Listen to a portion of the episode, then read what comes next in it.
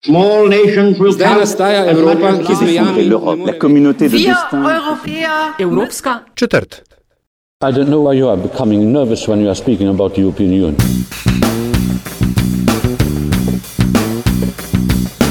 Spoštovane in cenjeni, dobrodošli v Evropski četrti podcast o vsem, kar vas bo zanimalo o Evropski uniji, pa niste vedeli, koga vprašati. Podcast vodiva Aljaš Pengov Bitens, urednik Radia Chaos in Nataša Briški, urednica Metine liste. Evropska četrt domuje na spletni postaji Metine lista.si, v vašem nabiralniku pa sveža epizoda vsak drugi ponedeljek. Ta je deveta po vrsti. novo leto začenjamo z arbitražo. V Piranskem zalivu je spet gneča, saj je Slovenija začela z lagoma izvajati odločbo arbitražnega sodišča o meji s Hrvaško. Da pa smo do sem sploh prišli, je na majhno vlogo odigrala tudi Evropska unija, pod katere pokroviteljstvom sta takratnja premijeja Slovenije in Hrvaške, Pahor in Kosor, podpisala tisti famozni Junction. Arbitražno sodišče je potem kar nekaj časa presojalo o tej zadevi in tudi o vseh spornih potezah, ki sta jih državi zakuhali s tem v zvezi, in pred zadnjega junija lani tudi sporočilo svojo odločitev. 30. decembra, torej tik pred novim letom, je tako potekel s sporozumom določen rok za uveljavitev odločitve, ki pa jo Hrvaška, kot vemo, ignorira in trdi, da nima pravne teže. O tem, zakaj se zdi, da se EU drži bolj ob strani in kaj sploh lahko naredim, razloži strokovnjakinja za mednarodno pravo, profesorica na Ljubljanski pravni fakulteti, dr. Vasilka Sancin. Dober dan, želim. Dobar dan. Doktorica Sancin, najprej, kakšna je vaša vloga v arbitraži, v kolikšni meri ste bili oziroma ste morda še vključeni? Torej, mene je Ministrstvo za zunanje zadeve angažiralo za strokovne nasvete že v fazi pogajanj za sklenitev arbitražnega sporazuma, potem pa kot odvetnico za pripravo prvega memoranduma Slovenije v tem sporu. Od takrat dalje pa v bistvu komentiram arbitražo zgolj še z vidika profesorice mednarodnega prava, torej akademske pozicije z Ministrstvom za zunanje zadeve, pa na temo arbitraže uh, nimam več uh, formalnega sodelovanja. Uh, ključno vprašanje, ali pa recimo eno tistih, ki si jih slovenci in slovenke te dni najpogosteje zastavljamo, je, zakaj EU nič ne naredi? Moje mnenje je, da EU pri tej zadevi uporablja zdaj v tej fazi predvsem tiho diplomacijo, se pravi, da po drugih kanalih skuša uh, razložiti v bistvu državi članici, to je Hrvaška, da mednarodno pravo seveda zavezuje vse članice in da so razsodbe arbitražnih tribunalov dokončne in mednarodno pravno zavezujoče, ter da je treba v bistvu odločitev ne glede na to, ali je pogodo v državi ali ne, spoštovati. Mislim, da se zdaj, zdaj obdobje, ko Evropska komisija predvsem ne deluje, kot rečeno, po poti tihe, tihe diplomacije. Uh, upam pa tudi, ne, da bo, kolikor to ne bo učinkovito, uporabila tudi ustrezne druge pravne mehanizme, ki so na voljo. Predsednik Pahor je na nedavnem diplomatskem posvetu glede Hrvaške med drugim dejal, da predstavljamo redek primer dveh sosednjih narodov, ki se nista nikoli vojaško spopadli in hkrati, da bi bila za obe državi koristna vključitev Evropske unije v postopek sporazumne uveljavitve meje. Zdaj pa vprašanje, kakšne opcije sploh ima na voljo EU oziroma Evropska komisija ta trenutek? Med različnimi možnimi diplomatskimi sredstvi ne, so seveda tukaj možnosti posredovanja, nudanja dobrih uslug, morda ne, tudi uh, te facilitacije. To je vloga, ki jo je komisija odigrala tudi v samem postopku sklepanja arbitražnega sporazuma. Vendar pa seveda samo v luči zagotovitve izvršitve arbitražne odločbe. Namreč uh, nedvomno je, da ta zavezuje. Ne? Ukolikor pa bi ena država strajno zavračala uresničevanje, potem pa po pogodbah Evropske unije, se pravi pogodbi o Evropski uniji in pogodbi o delovanju Evropske unije, obstaja tudi možnost, da Evropska komisija sama sproži postopek proti državi članici, ki ne izpolnjuje obveznosti iz pogodbe.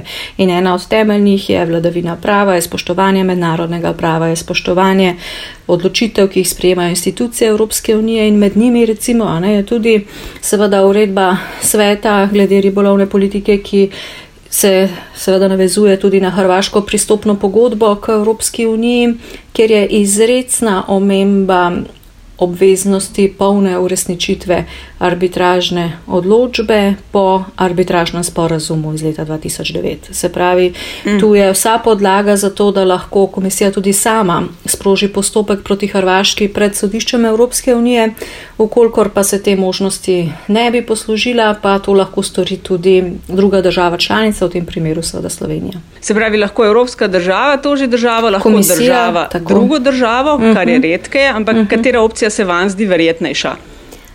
Jaz ne težko to ocenjujem, kako se bo komisija tukaj odločala, ampak tukaj se mi zdi pomemben še en moment in sicer Evropska komisija je v tem konkretnem sporu pravzaprav prvič odigrala prav to vlogo facilitatorja na podlagi česar je prišlo potem do sklenitve dvostranskega sporazuma o razrešitvi menjega vprašanja, kjer pa je tudi uh, v bistvu Evropska unija sodelovala ne, kot priča temu podpisu. V tej vlogi se je pravzaprav Evropska unija znašla prvič in tudi um, sedež arbitraže, ne, po arbitražnem sporazumu je bil določen v Bruslju. Ne. Se pravi, to gre za nek prvi tak primer, kjer se je Evropska unija uh, involvirala tudi v reševanje um, mejnega spora med dvema državama članicama, oziroma v tistem trenutku ne, Hrvaška je bila še v pogajanji za vstop v Evropsko unijo. In tu je zdaj opet naslednji relevanten moment in sicer to je, da je arbitražni sporazum pravzaprav že kompromis. Um, Glede tega, da je na eni strani ne, seveda bil hrvaški interes predvsem nadaljevanje procesa vstopa v Evropsko unijo in polo, približno polovica ne, arbitražnega sporazuma se nanaša na ta postopek, medtem ko je drugi del uh, vezan na samo reševanje mejnega spora. Ne. In uh, Slovenija je vse svoje obveznosti kar se tiče tistega dela sporazuma, ki se nanaša na hrvaški pristopni proces, izpolnila. Seveda pod pogojem, da bo tudi Hrvaška izpolnila svoje prevzete obveznosti in to je spoštovanje končne razsodbe. In tudi tu mislim, da mora imeti Evropska unija in tudi komisija kot njena institucija v vednosti, ne, v mislih to, da je v bistvu. Celoten proces vstopanja Hrvaške v Evropsko unijo bil pogojen z dobro vero Slovenije, da bo Hrvaška na koncu razsodbo spoštovala. Namreč za vstop v Evropsko unijo morajo prav vse do takratne članice podati svoje soglasje ne, z ratifikacijo pristopne pogodbe in Slovenija je to spolnila, kot rečeno, pod tem pogojem, da bo končna razsodba zavezojoča in seveda spoštovana strani obeh držav. Sicer, kot vemo, ne, je ravno v tem pristopnem procesu Slovenija bila dolžna opozoriti in zaradi tega v bistvu ne pristati na tisto dokumentacijo, ki jo je Hrvaška predložila v svojih pogajanjih, ki je v bistvu prejudicirala mejo tako, kot si jo Hrvaška tudi še danes razlaga. In seveda gre za povsem enostransko, na nobenih dejstvih utemeljeno razlago. In ravno zaradi tega je Slovenija ne, takrat v bistvu umaknila tiste svoje zadržke iz te dokumentacije, ki je sporna in seveda. Kot je tudi uh, jasno iz razsodbe tribunala, neutemeljena, ker je računala, ne, da se bo Hrvaška razsodbe držala. Tako da z neuveljavitvijo razsodbe je pod vprašanjem celoten članstvo Hrvaške v Evropski uniji. Zdaj, Hrvaška zunanja ministrica tedni govori o tem, da je bila meja med državama določena že 91. in da Slovenija ne more izvajati uh, zakonodaje. Ampak kaj je bilo določeno 91. No, ta trditev je povsem iztrte zvita ne, in tako bi rekla amaterska, namreč vsakomur je povsem jasno, da uh, meja leta 91, uh, še posebej kar se morja tiče, ne, ni bila določena v nekdanji Jugoslaviji meje na morju med republikami ni bilo in zato tudi ne, ne bi mogli reči, da se enostavno na polnačelu uti posideti sprevzame neka že medrepubliška meja na morju. In ravno zaradi tega so tekla vsa ta dolgoletna ne, pogajanja, da se meja določi uh, in tudi na kopnem v teh spornih delih, ne seveda meja ni bila določena, zato pa sta državi sklenili arbitražni sporazum in dali mandat uh mhm. -huh. tribunalu, da določi mejo. Ne? Ne da jo ugotovi, kot že obstaja, temveč da jo določi mejo na morju in na kopnem, ker ta še ni bila določena. Zdaj Slovenija že. Uh, beremo in gledamo, nalaga kazni za kršitve. Um, a pa se to sploh lahko izterja, zares, če ob takšnem odnosu Hrvaške, kakršen je? Vsaka država lahko izvaja ne, jurisdikcijo pač nad svojim območjem, nad svojim teritorijem in seveda tudi nad svojimi državljani, čeprav so ti v tujini. Ne. In zdaj eh, kazni, ki so izrečene, se bodo lahko izvršile seveda na območju Slovenije. To pomeni, da bi recimo vem, hrvaški ribič, ne, ki bi nezakonito lovil v slovenskem morju, v vstopu v Slovenijo, bil takoj lahko deležen ne, eh, izročitve pač kazni, oziroma kakorkoli bi bilo določeno. Ne.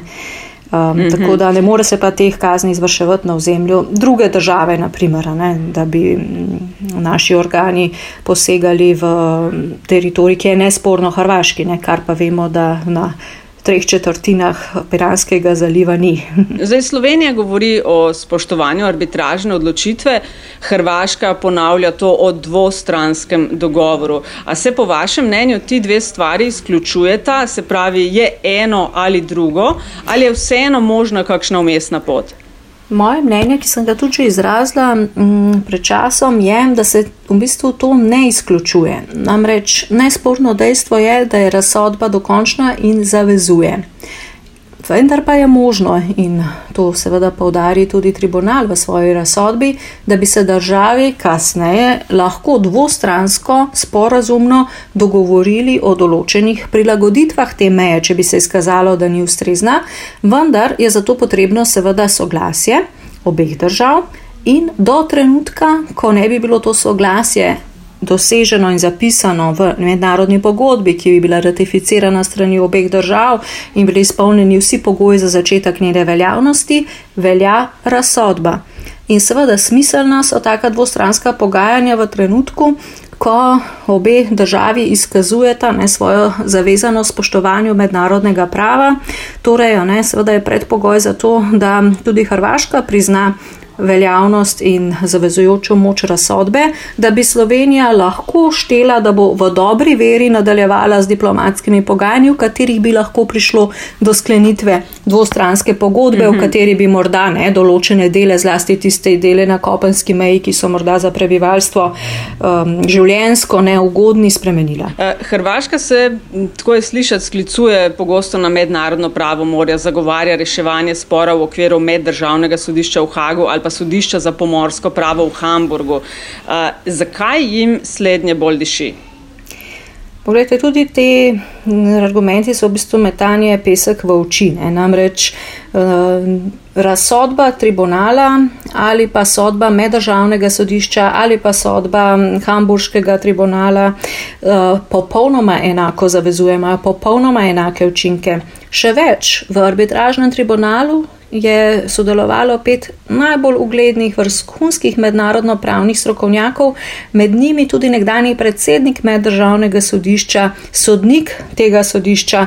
Torej, uh, nobenega argumenta ni, zakaj bi recimo neko drugo sodišče prineslo drugačno odločitev. Tribunal je vso svojo mm, končno odločitev seveda utemeljil na vseh uh, dokazih in pač ocenil, kot je ocenil. Pričemer, ne da se razumemo, to niti slučajno ni ne maksimalni zahtevek Slovenije, ne Hrvaške. To je rešitev končna, mm. je nek kompromis in pravzaprav ne. Um, Tudi že z hrvaške strani večkrat slišimo, um, je, so bili v celoti upoštevani vsi njihovi argumenti in dokazi, ne, ki so seveda imeli podlago za to, da so prišli do te končne odločitve, ki je mednarodno pravno utemeljena in tukaj se ponovno uh, pojavi, a ne seveda spet temeljno pravilo, da ne moreš o isti stvari odločati dvakrat, ne bi si nidem. In seveda zato ne bi bilo tudi ponovno mm. odločanje o tem nedopustno. Slovenija ima veliko izkušenj eh, s Hrvati, vse čas poudarjamo pakta sunt servanda, pogodbe je treba spoštovati. Zdaj Hrvaška serijsko odstopa in torpedira že podpisane sporazume s Slovenijo, primeri recimo sporazum Drnovšek Račan, sukcesija tožbe LB, zdaj arbitraža, daje občutek, mogoče tudi, da gre za premišljen eh, PR manever, kot da so z odločitvijo ne vem kaj izgubili. Zdaj pa se vam zdi. Razsodba, ok, rekli ste kompromis. A je blizu ali zelo blizu temu, kar so Hrvati hoteli, ali res zelo daleč?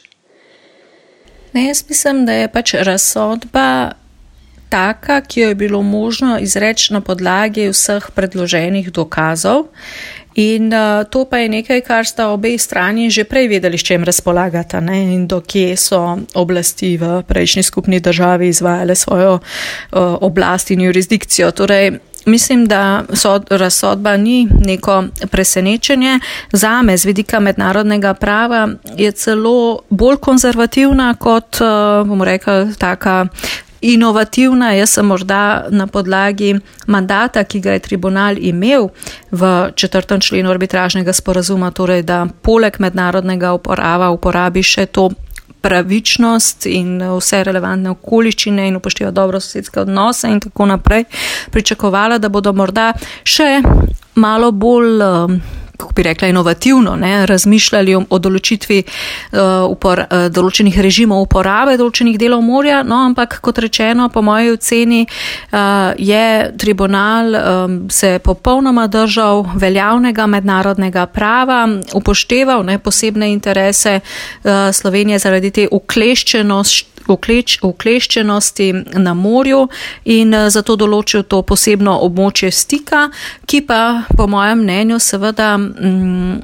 je območje, kjer ima Slovenija določene posebne pravice, ne, plovbe, preleta, polaganja kablov in cevodov, vendar še vedno to ostaja teritorijalno more Hrvaške, kar je tudi Hrvaška vse čas zatarjevala. In tu torej ne moramo reči, ne, da je tribunal deloval v nasprotju z veljavnim mednarodnim pravom, ampak je ostal znotraj okvirov in ga razložil ne, tako, da je upošteval vse predložene dokaze. V Sloveniji bomo imeli kmalo parlamentarne volitve, na Hrvaškem je precej nestabilna politična situacija, zdaj zapleteni meni mejni spor so na obeh stranih dolga leta izkoriščali v politične namene.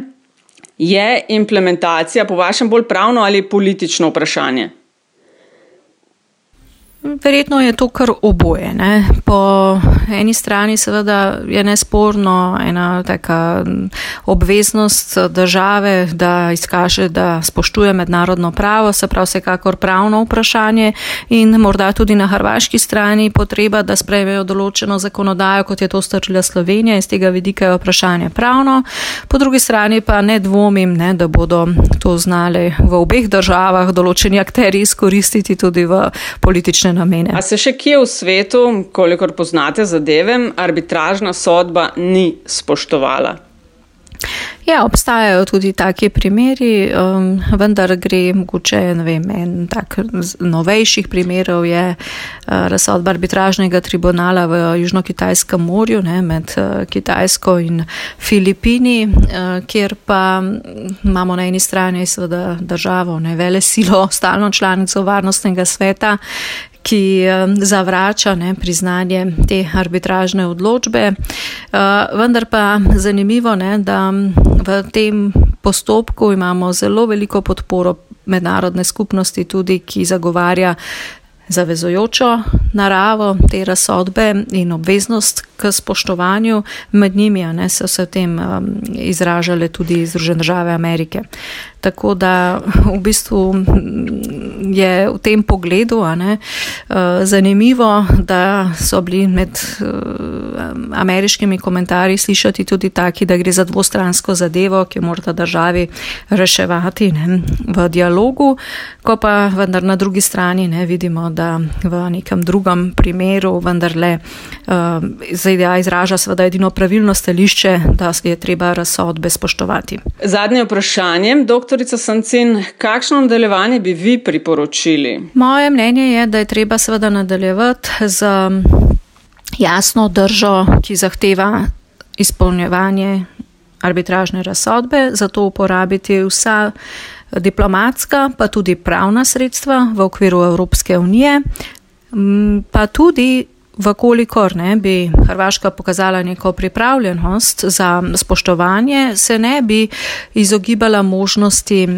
da se dvostransko doseže nek ugodnejši dogovor na tistih delih uh, kopenske meje, ki bi bil lahko za prebivalce življensko ugodnejši. Torej, ne bi izključevala posem dvostranskih dogovorov, ampak seveda pogoj za to je pa najprej spoštovanje razsodbe, ker brez uh, izkazane pripravljenosti v bistvu spoštovati mednarodno pravo ne, ni nobene garancije, da bi kakršen koli dvostranski dogovor bil v končni fazi spoštovan in vemo, da je izkušnja z sporazumom Drnovšek Rača ne najboljša popotnica ne, za to, da bi verjeli, da ima uh, naša sosednja država resne namene skleniti dvostranski dogovor in ga na koncu tudi uveljaviti. Doktorica Sancin, najlepša hvala za ta pojasnila. Hvala tudi vam. To je bila Evropska četrt. Predlogi, mnenja, pohvale in kritike dobrodošli na infoafna.metina.pk.